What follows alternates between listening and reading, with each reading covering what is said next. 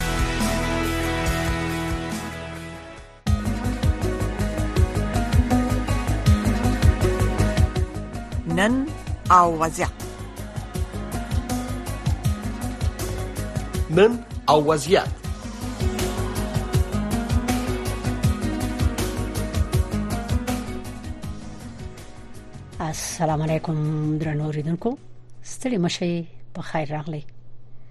د نن او وضعیت پروګرام ته په دسي یوې مسلې باندې نن موږ غواړو بحث وکړو چې هغه په د نو راغلو افغان مهاجرو پورې اړه لري تاسو ته معلومه ده چې په دې تیرو دوه کلونو کې کله چې طالبان په افغانستان کې دوباره واکمن شول نو ډیر افغانان هغه افغانانو چې په افغانستان کې د ناتو د قواو د امریکا د قواو سره کار کړی وو دوی د افغانستان نو وسل شول راوسل شول دلته امریکای ته او په مختلفو ایالاتو کې دوی ځای په ځای شوې دي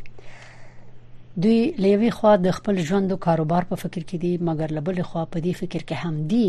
چې دلته په امریکا کې د امریکا په دې ټولنه کې چې د مختلفو قومونو نه جوړه ده دوی څنګه کولای شي دلته خپل ژوند مخې ته بوزي خپل اولادونه وروزي او خپل افغاني او اسلامي کلچر او هویت هم وساتي د دې ارزښتونو د اهمیت په خاطر باندې ډېرو افغانانو په خپله هڅې کړې دي، ټولنې جوړې کړې دي، شرکتونه یې جوړ کړي دي، نورو ته یې کاروبار پیدا کړی دی او په دې فکر کې دي چې خپل آینده نسل ته داسې ارزښتونه پرېږدي چې هغه وکړی شي نورو ته پرېږدي او ویې ساتي، ځکه دا ټولنه چې جوړه ده د دې ټولنې غ، ښایست په دې کې دی چې ټول اقوام دلته پوره ازادي لري خپل کلچر او کلتور دلته ساتي او هغه عملی کوي خپل ژبه ساتي خپل دین ساتي خپل مذهب ساتي او د دې ملک د قانون پرانا کې ژوند کوي په همدغه کوششونو کې یو کوشش زمونږ محترم یو سیاسي چارو کارپوه او حقوقي چارو کارپوه د تاسې پیژنې سبحان مصباح صاحب دی همیشه راځي په خبرونو کې خپل نظر وړاندې کوي د یو ابتکار کړی دی یو د افغاني فرهنګي ټولنې جوړ کړی دی دا چې دوی څه کړی تر اوسه پورې د ټولنې افتتاح کړی د دې مقصد او هدف څه دی نور څه غوړي کم هته رسیدلې ده دا ټولنه غواړم په دې برخه کې د دوی نظر واورو چې په کومه طریقه باندې غواړي دوی د افغاني فرهنګ او کلچر او کلچر وساتي نو زه به وګورم چې مصباح صاحب خبرونه تر اغله یا نه مصباح صاحب ما خو اعلان وکړ چې بس په دې مسلې بغږی کې رڼا به ورکه خبرونه کیږي یا نه سلامونه سهار په خیر هو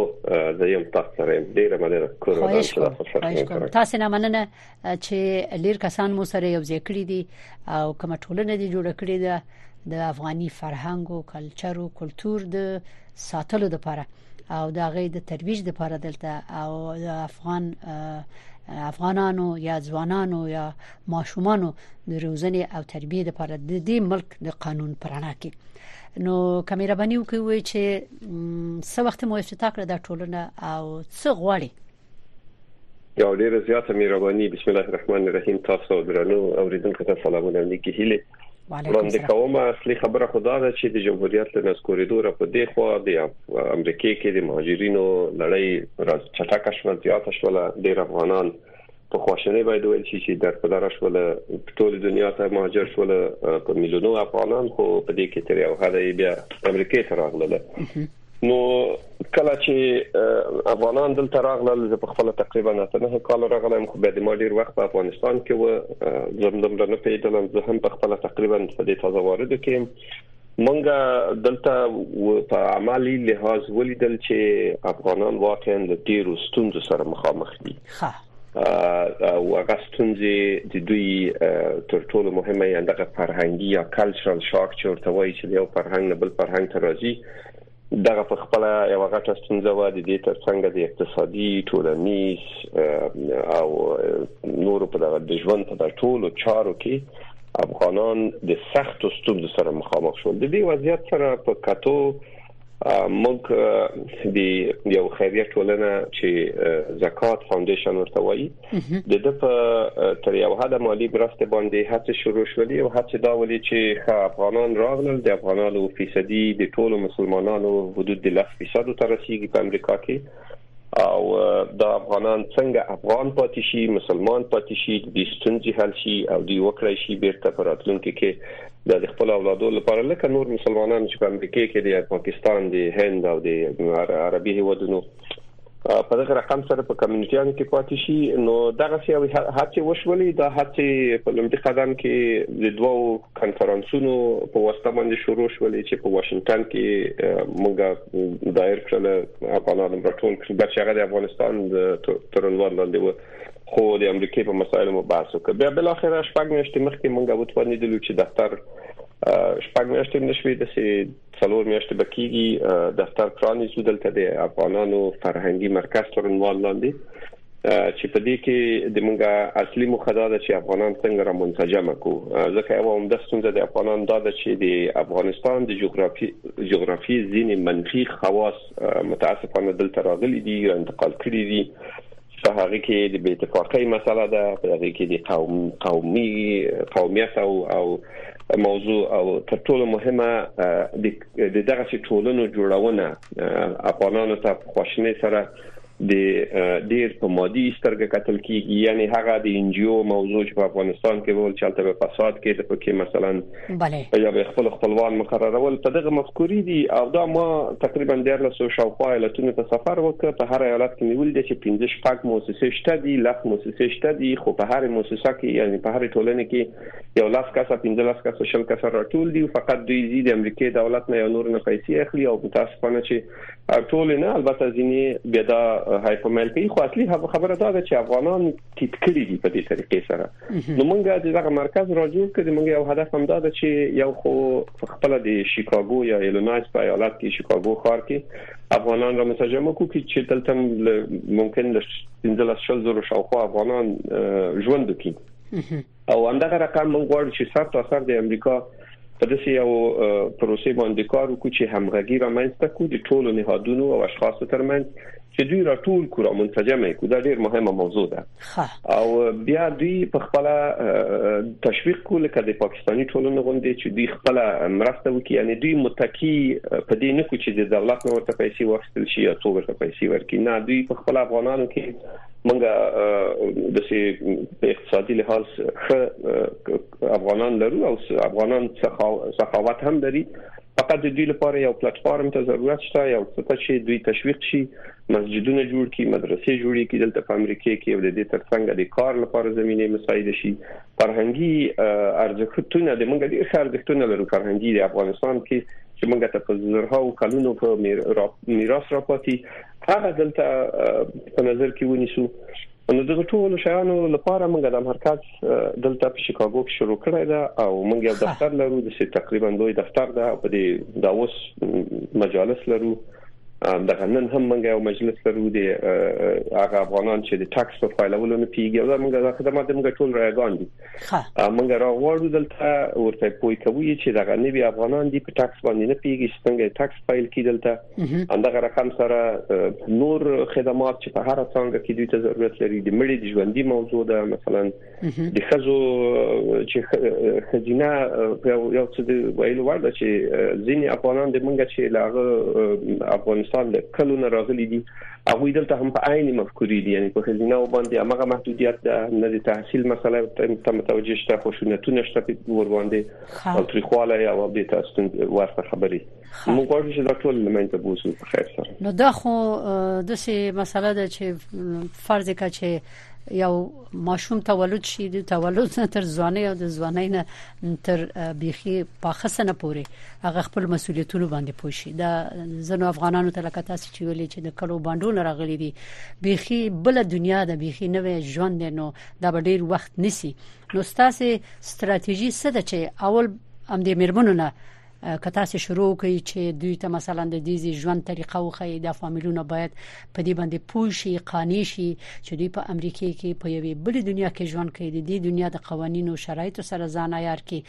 دا دغه مشکل و تاسو څنګه رفع کوئ تاسو ستراتیژي څه ده دا خو ډیره مهمه ده چې د کورنۍ نه دغه اصلاح شروع شي د دیزی د ژوند سره د افغانان ځان عیار کی ام قانون د دیزی رعایت کی او ام خپل کلچر او کلچر وساتل شي او خو ګوري دغه څه کوم محرومیت چې دغه لمونګه خويندو مېندو ته په افغانستان کې مخکې شوې ده اومده علت د نه په هي تاثیر و ځکه د کور نارینه پوي ول او فرصت ورته برابر و نو انسانان خو به منطق لري که د افغانیت هم تلل کو دی انسان په سترګو ته وګورو بیا څنګه حليږي نو اوس زمونږ یو ستراتیژي دی په هوایي ستراتیژي ده مونږه خطوب دا چې ټول افغانان مو په نخښه کړی دي پیژندل مو دي اوس مثلا مونږه دغه اوس رایګان کورسونه دوی ته په نظر کې نیولې دي خصوصا د خزو او د ماشومان لپاره او هغه د پښتو د دری د قران شریف د زده کړې د علوم دیني زده کړې د انګلیسي ژبې کڅوک نه پیږي د دې زده کړې ځکه موږ په مختلفه کټګوري افغانان لرو ځینې افغانان دي چې په خورا غلي دي هغه نه پښتو او دری ژبه لیاده وتی هغه ته د پښتو دری ژبې پروګرام په نظر کې نیولای دا چې نوی راغلي دي مثلا د دوی د هغه ضرورت پر اساس ورته من خدمات وړاندې کوو که څوک د ډریوري کورس ضرورت لري ډریوري نه زده ولې تشویقوو بیا ورته ورسره مرسته کوو ترڅو دوی لاړ شي د خپل ډرایوینګ لایسنس واخلي نو موږ له کومې موانع سره نه مخامخ شوي نارینه خوشاله دي او دوی ځکه موږ د فرصت بل د فرصت ورته برابر کړای دا چې د دې لپاره چې احساس د راحتي وکړي دغه مرکز مو مختص دي خزینه ولپاره کړای دا په هغه بازو حالاتو کې چې ځکه ځکه ځینې خلک هغه فرهنګي ستونزې لري مثلا اوس هم د افغان نارینه سره نه غواړي چې خزه یې حتی مخامخ شي نو موږ کوشش کوو چې ترڅو پورې موږ په باندې کار وکړو چې دا خبرې ډیر زیات اساس نه لري نو ټول لکه د خويند ورونو غوندي باید ټول راشي او کار وکړي نو د پوهاوی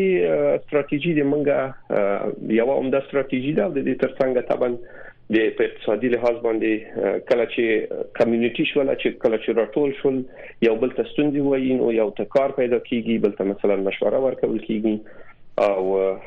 په همدغه اساس باندې بیا د منګه بل ستراتیژي دا ده چې موږ لکه نور منسجم شو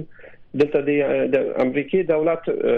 دغه کم خدمات چې دوی کوي په نورو باندې کوي یعنی دا د خواشنۍ خبره ده د نورو هیوادونو مؤسسات دي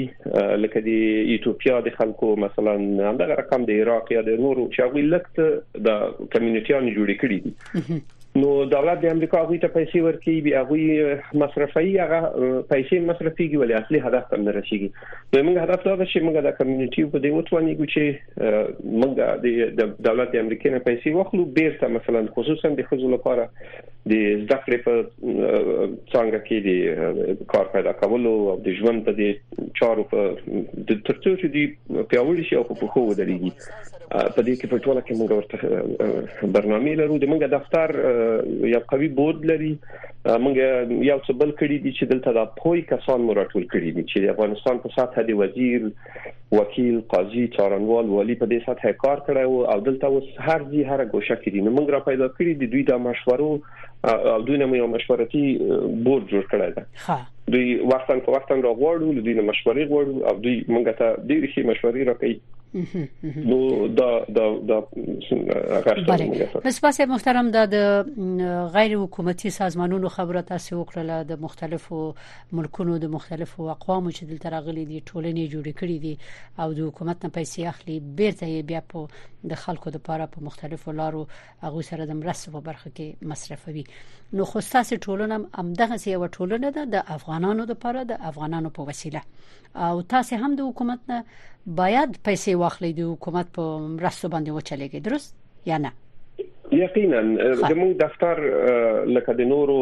دلته خو امریکای کې د غیر دولتي نهادونه چې دي هغه یو کود لري د قانون پر اساس 5103 ورته وایي هغه یو خاص کود دی چې دغه په اساس باندې د مالیې نه ماف کیږي او خدمات نن پروفیټ یا غیر انتفاعي خدمات وړاندې کوي نو د دې لپاره چې ما اندغه لپاره وایم چې د افغانانو ډېری کمی موسسې دي چې هغه په ستاندردونو برابر دي دولت نه کوم ګران تخلو هغه مونږ باید دولت ته د دې اطمینان ورکو چې هغه پیسې چې اخیستل کیږي دا په سمه توګه مصرفيږي او په دې کې یو څل ستاندردونه په کار دي مثلا د ډایرکټرانو بورډ باید وسی ای مدیره هیئت مثلا مالی سیستم منظم وسی او خې برنامه وسی او شفافیت و داشان نو اوس د منګه ډیر کار ځکه زه په خپل زه د اکبر چیرمن پاتې شوم په افغانستان کې اکبر یو مؤسسه ده چې یو صلاحتي او مؤسسه همغږي رامنځته کوي همدغه رقم اوس په امریکا کې یو مؤسسه په نامه دی انټراکشن د لکه شبيه دی اکبر ته د دې غړای مدي سره مې راوبد دي نو تجربه خپل مې تقریبا شل کال په دې یعنی ساسي کارونو کې به بالکل ترانسپیرنسي موجوده وي یعنی شفاف به وي حساب کتاب سوره پیسې راغلي چیرته لاړې چا سره مو عملا مرسته وکړه یو بل دا چې د سې کومه بل مؤسسه شته چې به اساس دا کار وسري چې تاسو سو ویلي دی هغه سم وکړل یا نه د سې دا مؤسسات په خپل چارو کې مستقله دي یعنی څوک نشي کولای شي د چا بل مؤسسه راشي او دا چاري نه حکومتي حکومتي چارواک حکومت ته جواب ورکول کیږي یقینا حکومت ته آی آر اس ته مثلا راپور ورکول کیږي په منظمه توګه او دغه بورډ چې کوم ده د موږ په دغه د مدیره هیئات په غړو کې د افغانستان نه بغیر د د بل زیات با هم شته دي او هغه یوازې د اندې لپاره شفافیت ځکه موسسه د بورډ په واسطه باندې هغه په اصطلاح مسما صاحب محترم تاسو مخکې ویل چې متاسفانه د افغانستان نه چې دغه افغانان راغلي دي نو دوی ځنې افغاني خصوصیات ځان سره راوړي دي ځنې منفي او بخښه خصوصیات ځان سره راوړي دي اوس هم په مغې نظر او مفکورې دي د دې نظر او مفکورې د ورکولو لپاره ستاسو پروګرام څه دی دا به تاسو څنګه ورکوي دغه اتحاد او اتفاق به څنګه راولي په یو خارجي ملک کې چې افغانستان کې سره نو متحد دلته به څنګه تاسو دغه اتحاد او اتفاق راولي واقعا یوازینی چالش چې زه یې ډېر تشویش کړای ما همدغه مسله ده مونږه یعنی زه غواړم دا په صراحت وایم او په خوشنۍ سره باید وایم دې لپاره تاسو د رادیو لاره کې هغه افغانان چې په امریکا کې ژوند کوي د مسلې ته ډېر جدي پام وکړي د سي یو حالت سره موږ مخامخ یو چې مثلا له یو مختص قوم نه یو انجیو جوړه شوی یو کمیونټي جوړه شوی دا او هغه مختص قوم دوی خو نه پیږي دوی خو د څه فکر کوي چې والا موږ د خپل قوم ته خدمت کوو دا په داسې حال کې ده چې دا د تفریقې لپاره دوی کار کوي د خپل په ډیرو ایالتونو کې په خواشنۍ سره موږ دغه کار باید وکړو دلته ځینې سیاسي اجنډا وشته په دې کې چک نشته دا غا اجنډا چې په افغانستان کې نن سبا روان دي مثلا یو یو ډلې ته کار کوي بل بل ډلې ته دا مشکل خود درک کړی دی زه خو پیګم مستقبل حقوقدان تجربه لري په دې پیګي اما پروګرام د څه دی څنګه یې حل کوي ستراتیژي د څه ده ګوري دغه د هماهنګي د رامنځته کولو په کومي ستراتیژي چې موږ روان یو هغه کومه پالیسی چې د جوړولو حالت کې تقریبا جوړه ده همدا د همدې لپاره ده چې موږ مثلا په شیکاګو کې څلور پنځه نهاد دي منګه د یو میکانیزم باندې توافق کړی دا چې دغه څلور پنځه نهاد به یو کمیټه جوړي او دا کمیټه به په داسې مسایلو توافق کوي لکه ملي مسایل لکه د اختر مونږ به دواړه دا ټول افغانان به یو د اختر مونږ کوي د نوروز د ورځې لمانځنه به ټول یو ځای کوي د ثورته د استقلال د ورځې لمانځنه به ټول یو ځای کوي د افطاری برنامه به ځکه دغه شي کې خواشنۍ سره په شیکاګو کې د سي حالت سره موږ مخامخ شولو چې دوا یا درې ډلې راجیګ شولې د اختر منځونه د رقابت د ته منفي رقابت ده رقابت توګه چې ویل چې مثلا زه دلته مونږ ورکوم به بل ویل چې د ما مونږ د ما په منځ کې به ټول افغانان راځي یعنی دوی په دې داسې حال کې دي خو غواړي چې د کمیونټیان خپل رشد ورکړي مګر دا رشد نه ده دا منفي خواته ورتګ ده د دغه د لمنځه وړلو لپاره موږ داسې وکړ چې دغه مشران مراټول کړو ورته بحثونه مو وکړل چې وروره موږ په غلط مسیر باندې روان یو مسیر خدا دا چې راځي چې په دغه همدا مسایل باندې بله په ګډه کار وکړو ترڅو یعنی د بې اتفاقۍ ستونزه شته او دا ستونزه چې منګه چې چې دا مسله نشي د امریکای دولت ته یا امریکایانو ته څوک ورشي چې دا افغان نمبر 1 شو دا افغان نمبر 2 شو یا 3 شو نه ټول یو افغان باید ورشي ځکه دا ځینې خو ځینې خلک دي د افغانستان تجزیه لپاره کار کوي ځینې خلک دي د خراسان او د بل بل هغه ور کوي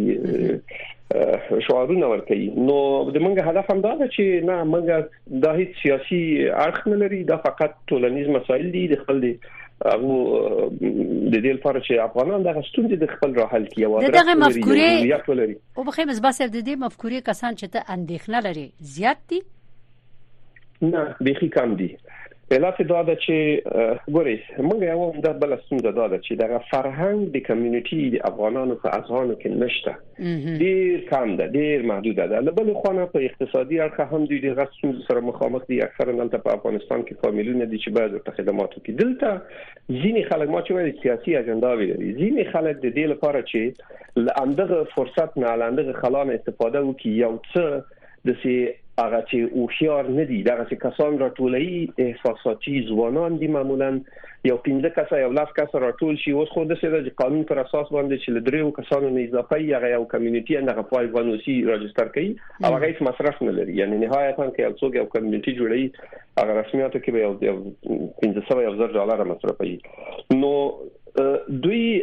دغه سي ډلې راځي فعالیت کوي د دې لپاره چې دوی نور سیاسي اجنداوي لري او په مقابل کې ډېر ته عام افغانان چې هر خواته دي ټول مصروف دي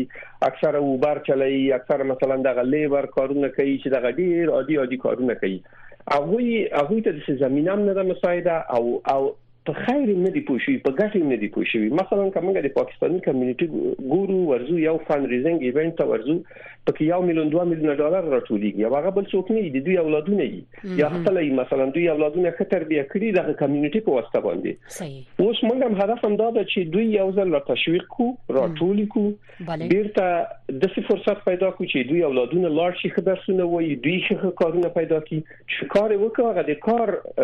یو حصہ لکه د کله زکات په نامه ورکړي کله صدقې په نامه ورکړي 15% 10% 2% 3% چې ورکی بیرته د کمیونټي په خو دري دغه یو سرکل د رامنځته کولو لپاره مونږ کار کوو یعنی هیڅ هیڅ متکی مونږ دولت ته نشو ځکه دا د عمر موضوع ده اوس مو پاکستانیان لرو چې تقریبا 50 پته کال شول چې کار کوي کنونشنونه را جوړیږي غټي غټي غونډې چې ډېر زره تلويګ زره مسلمانان د ټول امریکای نه راځي مګر افغانان پکې سل کسان نه راټولېږي علت دا ده چې دوی نه پیږي خیر نه دلدلای اول هو تر ټولو مهمه دا ده چې افغانانو کا پوه شي چې دغه سي کمیونټي کې ورته کار کوي واقعا مسلکي شفاف او به طرفانه کار کوي د خو افغانان دغه وسم یعنی په مالی لحاظ مرته مشکل دومره نه لري چې لکه دومره چې دوی احساس دي خطر کوي خو په هر حال د ذهنیتونو د جوړولو مسله یو ډیره مهمه موضوع ده چې د تاسو مننه کوم چې داسې برنامه مو جوړه کړه ترڅو د خلک پوه شي کړي وخت نسی بلې مصباح صاحب محترم تاسو نه مننه او د دې نورو افغانانو نه چې داسې نظر او فکر لري چې اولینه موضوع دا ده چې کپو خارج کې همدی په هر ملک چې دی په امریکا کې دی په اروپا کې دی استرالیا کې دی د هغه ملکونو د قوانینو پر رڼا کې به خپل ملي منافع هم ساتي او هغه ته به متحد وي نو د خپل اولادونو پر روزنې او تربیه کې به مرسته کوي ځکه چې هر ملک ته چې ماجر ورزي د مغو حکومتونو توقع دا وی چې د مغو ملکونو د حکومتونو د پالیسۍ او پرانا کې دوی خپل ځان تم کارو کې او د ملک تم کارو کې دا د دوی اولین او اخیرین مسولیت او وظیفه ده او افغانان یا هر څوک چې راځي چې دا درکوي د ټولو نه بیا دا مهمه ده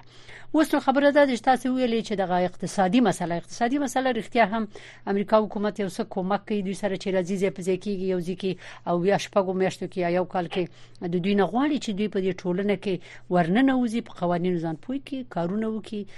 خپل کورنۍ تقویه کې په اقتصادي او مالی لحاظ چې البته بیا په ځینو مواردو کې چې په ډیرو مواردو کې باید خزه ومل دوه کارو کې ځنې چې نشي کولای حکومت ور سره کومک کوي تاسو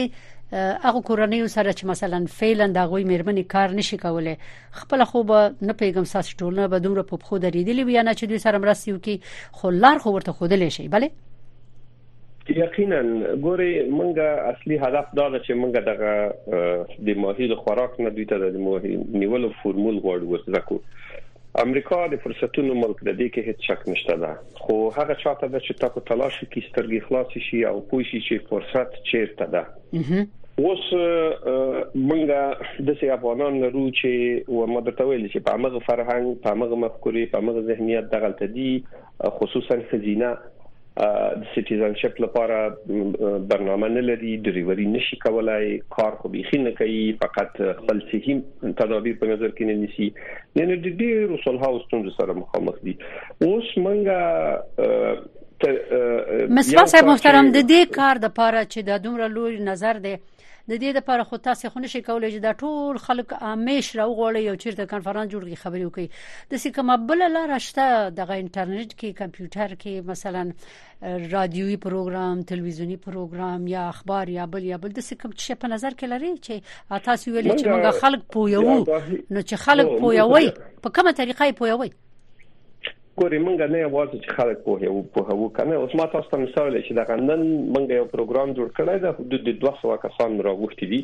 او هغه د ټاکس فایلینګ په ارتباط خو ځکه ټاکس مسله چې شول خو ماته د دې فرصت را پیدا کیږي چې زه دوی د نور مسایل ته هم تشویق کوم یو بل مشر راځيږي یا نور خبره کوي ورته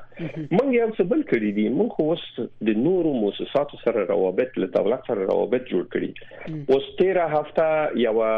خبرونه ولا د یو سی آی اس لخوانه د افغان سپورت تر عنوان لاندې د افغانانو د حمایت تقریبا شپېته او یا او شاوخوا نهادونه د څلورو ورځو لپاره راغلل په یو د یو چتر لاندې په یو ځای کې الته افغانانو ته د خدمات وړاندې کولو دغه څوک چې له فود سټامپ سره مشکل لري د بیمه صحي سره مثلا د کار نه پیدا کولو کې د کور پیدا کولو کې هر شي کې دغه اویا او نهادونه شاوخوا دغه لړۍ کې منګل دوی سره کار وکړ هم همکاري مو کړ چې افغانان را دعوت کو اوس منګه دغه کسانو سره روابط لرو مثلا کوم څوک مراجعه کوي د موږ دفتر ته په یو ځکه ستونزه لري دلته بل موسسه ده چې هغه د یا د د امریکای د دولت له خوا نه خو مستقیم دولت خو د خدمات نه وړاندې کوي نور موسسات له خوا نه موږ به دوی دوی سره مخامخ کوو یعنی خبر دا ده چې یو دوی تر موږ راورسیږي بیا موږ ورسره ډیر کومکونه کوو موږ بل بل څه کار مخ کار کړای موږ د ولنټیر یا د داوطلبانه خدماتو فرهنګ ترویج لپاره دا اوس توانیدل یو چې کم تر کمه 50 کسه والنټیر د موږ سره په دې کمیونټي کې راغلي دي او څوک چې یو مشکل لري دا زه یو مثال درکوم پرون د منګه یو افغان خور د دلته چې دوه لاسونه قطر د جنگ کې له لاسه ورکړي قطر قطر دی دی یو څنګه درلودله هغه ګروپ کې موږ ته اول راکړ په څو دقیقو کې یو افغان رور راجیک شو چې زه د غستون دا او تهلوم اوس دا د دغه فرصت د دغه یو میدان را جوړول دغه مونږه اوس دوی ته برابر کړی دي خو خیر دا وخت غواړي یعنی مونږ دا دا به ډیر وخت غواړي هڅه وکړي اما تر اوسه پورې مونږه موافق یو په دې کار کې اوس مثلا د مونږ په دفتر کې افغانانو مسجد دلته نشته د موږ دفتر د تقریبا 200 شاوخوا کسانو ته ظرفیت لري په عین وخت کې فاتحه خواني مراسم د موږ په دفتر کې مخته دی او ما چا باندې مړای کیږي څنګه خواسته نو دا فرصت ورته شته یا د دې څنګه مثلا د ته ورته فرصتونه یعنی چې مراجعه وکي مشکل ته حل دوه کې ورسره ډیر کوم مصباح صاحب محترم سبحان مصباح صاحب محترم تاسو نه ډیر زیاته مننه ډیر تشکر د نظر او مفکورې نه چې افغانانو د پاره کار کوي خلک مو سره راټول کړي دي او اولین کار اتحاد او اتفاق او بیا د دوه ملکونو د ملي ګټو په نظر کې نیول دا د یو کار دی چې وخت ونیسي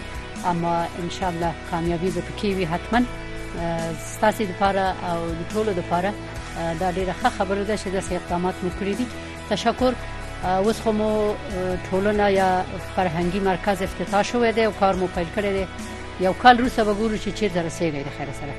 نو تاسو دې اوس دستي په مخه خای ډیره مننه چې پروګرام ته راغلي تشکر تاسو کامیاب اوسئ په مخه مخه په مخه مخه